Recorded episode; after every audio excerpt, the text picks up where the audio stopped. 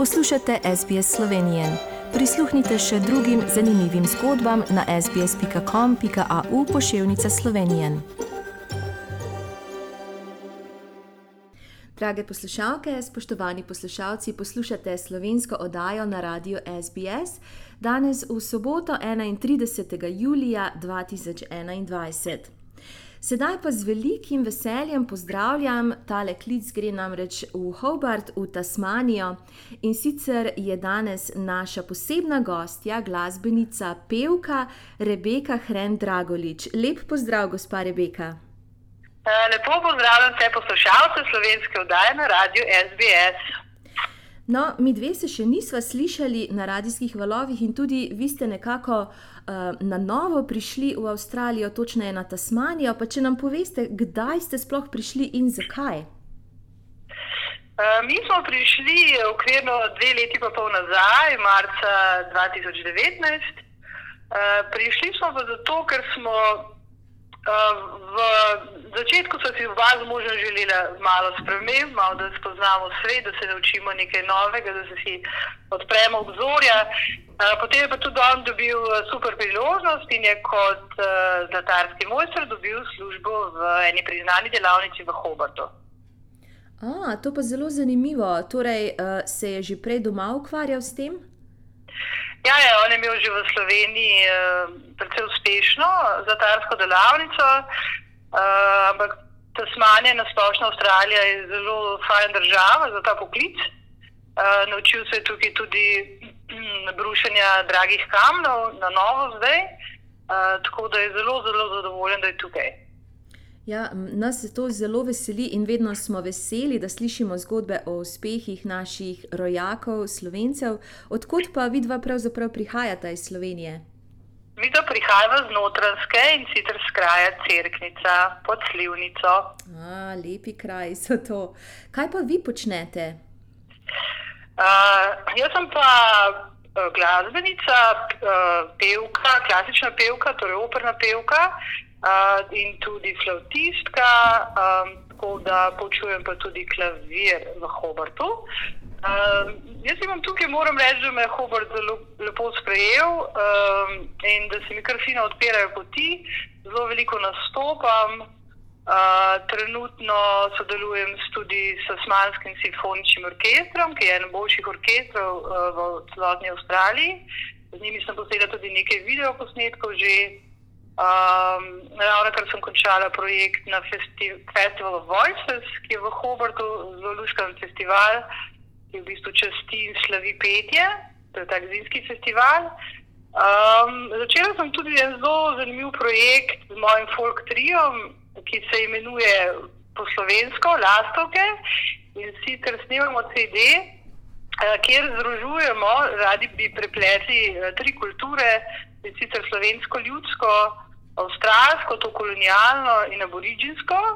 Uh, zdi se mi zelo, zelo zanimiv in pomemben projekt, uh, zato tudi, ker bomo pesmi izvajali v obeh jezikih, tako da boste lahko razgoščeni, ki slišali recimo slovensko, kaj ti je deklica v slovenščini in angliščini, in hkrati Moonbird, ki je ena zelo uh, lušna uh, pesem tasmanskih aboriginov ki bo zapeta tudi v slovenščini, tako da bo v bistvu res prišlo do enega povezovanja in prepletenja vsega, kar smo in prinašamo sabo kot glasbeniki.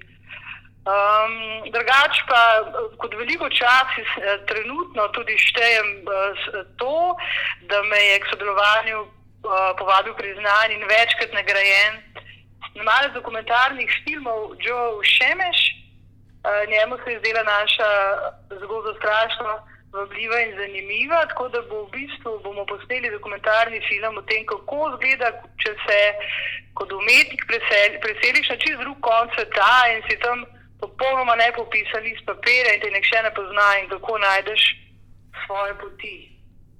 Drugače pa tudi v Hobartu svoj glasbeni studio, kjer vzgajam mlade glasbene upe in jim pomagam do novih glasbenih dosežkov.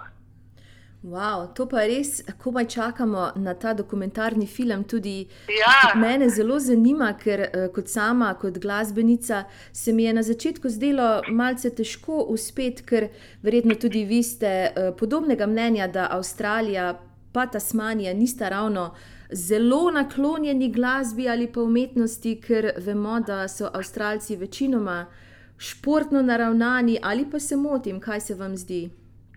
No, jaz se s, te, s to izjavo popolnoma strinjam in mislim, da, da bijem bitko vsak dan na novo glede tega.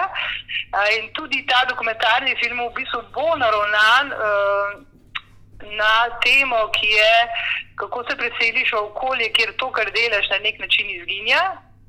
Uh, in jaz se res uh, s tem bojujem tudi v mojem glasbenem studiu vsak dan, da otrokom razlagam, kdo so skladatelji za, za učencem, petjem razlagam o jezikih, o, o italijanščini, o nemščini o, in o vsem, kar klasična glasba prinaša, vsem lepem. In mi je žal, da tukaj tudi vsaj um, državne osnovne šole ne podpirajo bolj izobrazbe v ta smer, to smer, ker res trdim, da če otroku ne položiš tega v srce, da je to nekaj lepega in da se k temu lahko vračaš, da ti je težko ali pa si v stiski, potem otrok enostavno to ne ve, da je in da obstaja in v bistvu na ta način se kot eno malo rederko briše um, to znanje ne, o umetnosti. Ja, slovenski šolski sistem in učni načrti so, vsaj po mojem mnenju, pa kot vidiva tudi mi dve kot učiteljici, zelo dobro zasnovani in delujejo, tako da ima vsaka osnovna šola isti učni načrt in ima glasbo čisto vsak osnovnošolec in tudi srednješolec. Tukaj je pa potem potrebno ne samo poleg zgodovine glasbe in uh, jezikov poznati tudi geografijo, ki pa tudi ni najbolj močna panoga, se mi zdi. Ja, to, glede tega imam pa tudi eno lušno zgodbo. Jaz sem večkrat vprašala učence, recimo, da je najti, kje je Avstrija, kje je Mozart rojen, ali pa da je najti, kje je Čajkovski rojen. In večina otroci več kot Avstralije ne poznajo, tako da imam zdaj v mojem, v moji učilnici tako ogromen plakat, eh, mapo sveta. In uh, gremo vedno najti, odkje je um, skladatelj doma. In se moram kar pohvaliti, da ni, ene par učencev pa zdaj že kar ve, tako da so prav ponosni na to, da znajo pokazati državo. Ne? Tako da, sem, da se mi zdi to kot velik dosežek. Ja, sigurno. korak, pa hkrati velik. Tako, tako, ker to je nujno potrebno, da vsaj vemo, odkot prihaja uh, ta ne samo popularna glasba, ker vse nekako izhaja iz klači, klasične glasbe, ki ste jo tudi vi študirali. Kje pa ste študirali? Uh, jaz sem študirala m, petje in flavto na Akademiji za glasbo v Ljubljani in Zagrebu, potem kasneje. Pa veliko sem se izobraževala tudi na uh, Mozarteumu v Salzburgu. No, in že zaradi tega uh, morate svojim učencem povedati, da ja, poglej, jaz sem pa tudi bila tukaj, kjer je rojen enen, eden izmed največjih skladateljev tega sveta. Tako, Ja. tako je. In res se mi zdi škoda, da otroci ne dobijo tega znanja. Ne? To se mi zdi res škoda. In mislim, da bo ta dokumentar veliko o tem govoril, tudi ker bi radi spodbudili, tudi da se začne malo govoriti o tem uh, po Avstraliji. Tako da upam, da bomo ga uspeli tudi fino spromovirati in da bo uh, dobra gledanost.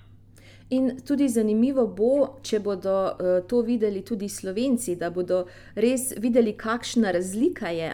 Ker veliko Slovencev, ki ne potujejo, zdaj turistično je čisto nekaj drugega, ampak ko se dejansko preseliš in začneš življenje, je pa uh, perspektiva zelo, zelo drugačna. In je tudi prav, da Slovenci vidijo kaj takega. Absolutno, ja, in da se tudi pohvali slovenski šolski sistem in tudi glasbo, in, in eh, da ljudje vejo, da če to ne izveš in če ti nihče ne ponudi, si Evropan tega znanja. In me- meni se zdi, res moram reči, odkar sem se preselila, da vedno bolj spoštujem slovenske šole. Ja, to je res. In vse učitelje, in vse tiste, ki so na vrhu, ki uh, so zasnovali učni načrt, in vsem, ki so napisali učbenike, ker materijala je res ogromno. In Tako. veliko poudarka je tudi na slovenskih šolah. um, v, na živo izvedbi, oziroma da, so, da je veliko koncertov, veliko nastopov, da učenci lahko pokažejo svoje znanje. Tukaj Tako. je pa več ali manj v, v veliko primerih posnetek in potem otroci zraven pojejo, ne? kar vemo. Tako, točno, ja, točno. da je to čist, čisto nekaj drugega. Tudi več glas je v šolah, in tukaj se skoraj ne pojavi več, otroci nimajo več razvitih ušes, zapet je več glasja. Moram reči, da je čudovit sistem Slovenije, so tudi slovenske glasbene šole, to se mora tudi popolnoma vsak sloven zavedati, da to v drugačnem svetu ni tako. Vsaj v Hobartu opažam, da je večina glasbene izobrazbe mogoče rezervirana za malo višji in bogatejši sloj. Tako da otroci enostavno sploh ne morejo priti v stik s tem in jim ni, ni poti do tega. Tako da meni se zdi slovenski glasbeni sistem nekaj res unikatnega in izredno dobro zastavljenega. Kako pa, eh, kaj se vam pa zdi glede same kvalitete? Recimo, ste verjetno šli tudi na kak klasični koncert, ne samo da ste nastopali, ampak kako se vam zdi pa uh, ta, ta zadeva? So, moram reči, da sem v Hobartu najdla pešico glasbenikov, ki bi lahko rekla, da so na evropskem nivoju in z njimi z veseljem sodelujem in so res čudoviti ljudje in čudoviti glasbeniki. Drugače pa zelo pogosto pri Avstralijcih opažam to, da je zelo velikokrat kot profesionalni glasbenik na odru s tem z nekom, ki je pa nekdo, ki bolj to samo rad dela. Tako da so te tudi med samimi solisti so doskrat zelo, zelo velike razlike. Uh, in nekako ne verjamem, včasih imam občutek, da občinstvo to niti mogoče najboljša loči med sabo. Uh mhm. -huh. In kaj imate v načrtu za, za naprej, naprimer, vidite sebe in svojo družino v Avstraliji zavedno, ali se morda eh, načrtujete vrniti nazaj v Slovenijo? Um, naš, mi imamo drugače v Sloveniji veliko, veliko ljubečo družino in prijatelje, ki jih zelo pogrešamo. Uh, tako da imamo v načrtu vračanje, Um, tudi rada bi, da so moji otroci še malo s svojimi stari starši uh, in tudi, mogoče tudi zaradi šole bi se vračali. Uh, drugače pa ne vem, mogoče pridemo pa spet nazaj. Jaz, kot moja karijera, je pa tukaj čudovita in moževa, mi dva, mi dva zelo, do, so zelo uspešna tukaj. Tako da sta dve plati, eno je srce, eno je pa karijera. Ja, in s tem se soočamo prav vsi, ki smo se preselili na drug konec sveta, vedno nosimo domovino v srcu. Ampak Tako. Avstralija je pa res, da veliko ljudem je pa dala veliko. Jaz se to popolnoma strinjam. Tudi meni je dala veliko in nikoli ne bi zamenjala tega. Čeprav je res težko, ko greš in težko je iz, iz svojih korenin ven jih potegniti in jih nekam drugam nest. Uh, veliko sem se naučila, vsak dan se še vedno učim, uh, predvsem tudi, koliko smo pogumni in močni. Uh, in uh, meni se zdi to super izbira in uh, ne bi zamenjala tega Hobarta z nobenim krajem drugim. Vesela sem, da sem tukaj. In kje vas lahko ljudje najdejo, če morda vas želijo slišati ali pa pet, ker ja, še to omeniva, da ste peli himni, da ste nastopali ob 30. obletnici slovenske samostojnosti na veleposlaništvu Republike Slovenije v Kamberi 25. oziroma 24. junija letos. Kje pa vas lahko najdejo poslušalci, naši slovenci, da slišijo vaš glas? Po moje, jaz imam izredno veliko posnetkov, na YouTubu, tudi te, ki so najnovejše s Tasmanskim simfoničnim orkestrom. Tako da, če vtipkate moje ime, Rebeka Hren Dragolič, boste najdli veliko mojih posnetkov. Drugače pa upam in držim pesti, da se s projektom Lastovke čim prej vidimo uh, posod po uh, celotni Avstraliji. Imamo namen narediti eno lušno turo po Avstraliji in Sloveniji. Tako da upam, da se vidimo tam, pa če me vidite in slišite, pridite do mene, bom zelo vesela stiska roke. Tudi nas zelo veseli, upajmo, da se situacija čim prej vrne v ustaljene tirnice, da bomo lahko šli tisti, ki uživamo v klasični glasbi, v živi glasbi, da bomo lahko šli na kak koncert. Gospa Tako. Rebeka, jaz se vam najlepše zahvaljujem za današnji pogovor, da ste si vzeli čas in seveda uspešno, uspešno še naprej na Tasmaniji. Hvala, jaz tudi lepo pozdravljam vse rojake po svetu, ki poslušajo in seveda še posebej vse poslušalce slovenske oddaje na radiju SBS. Všečkaj, deli, komentiraj. Spremljaj SBS Slovenijo na Facebooku.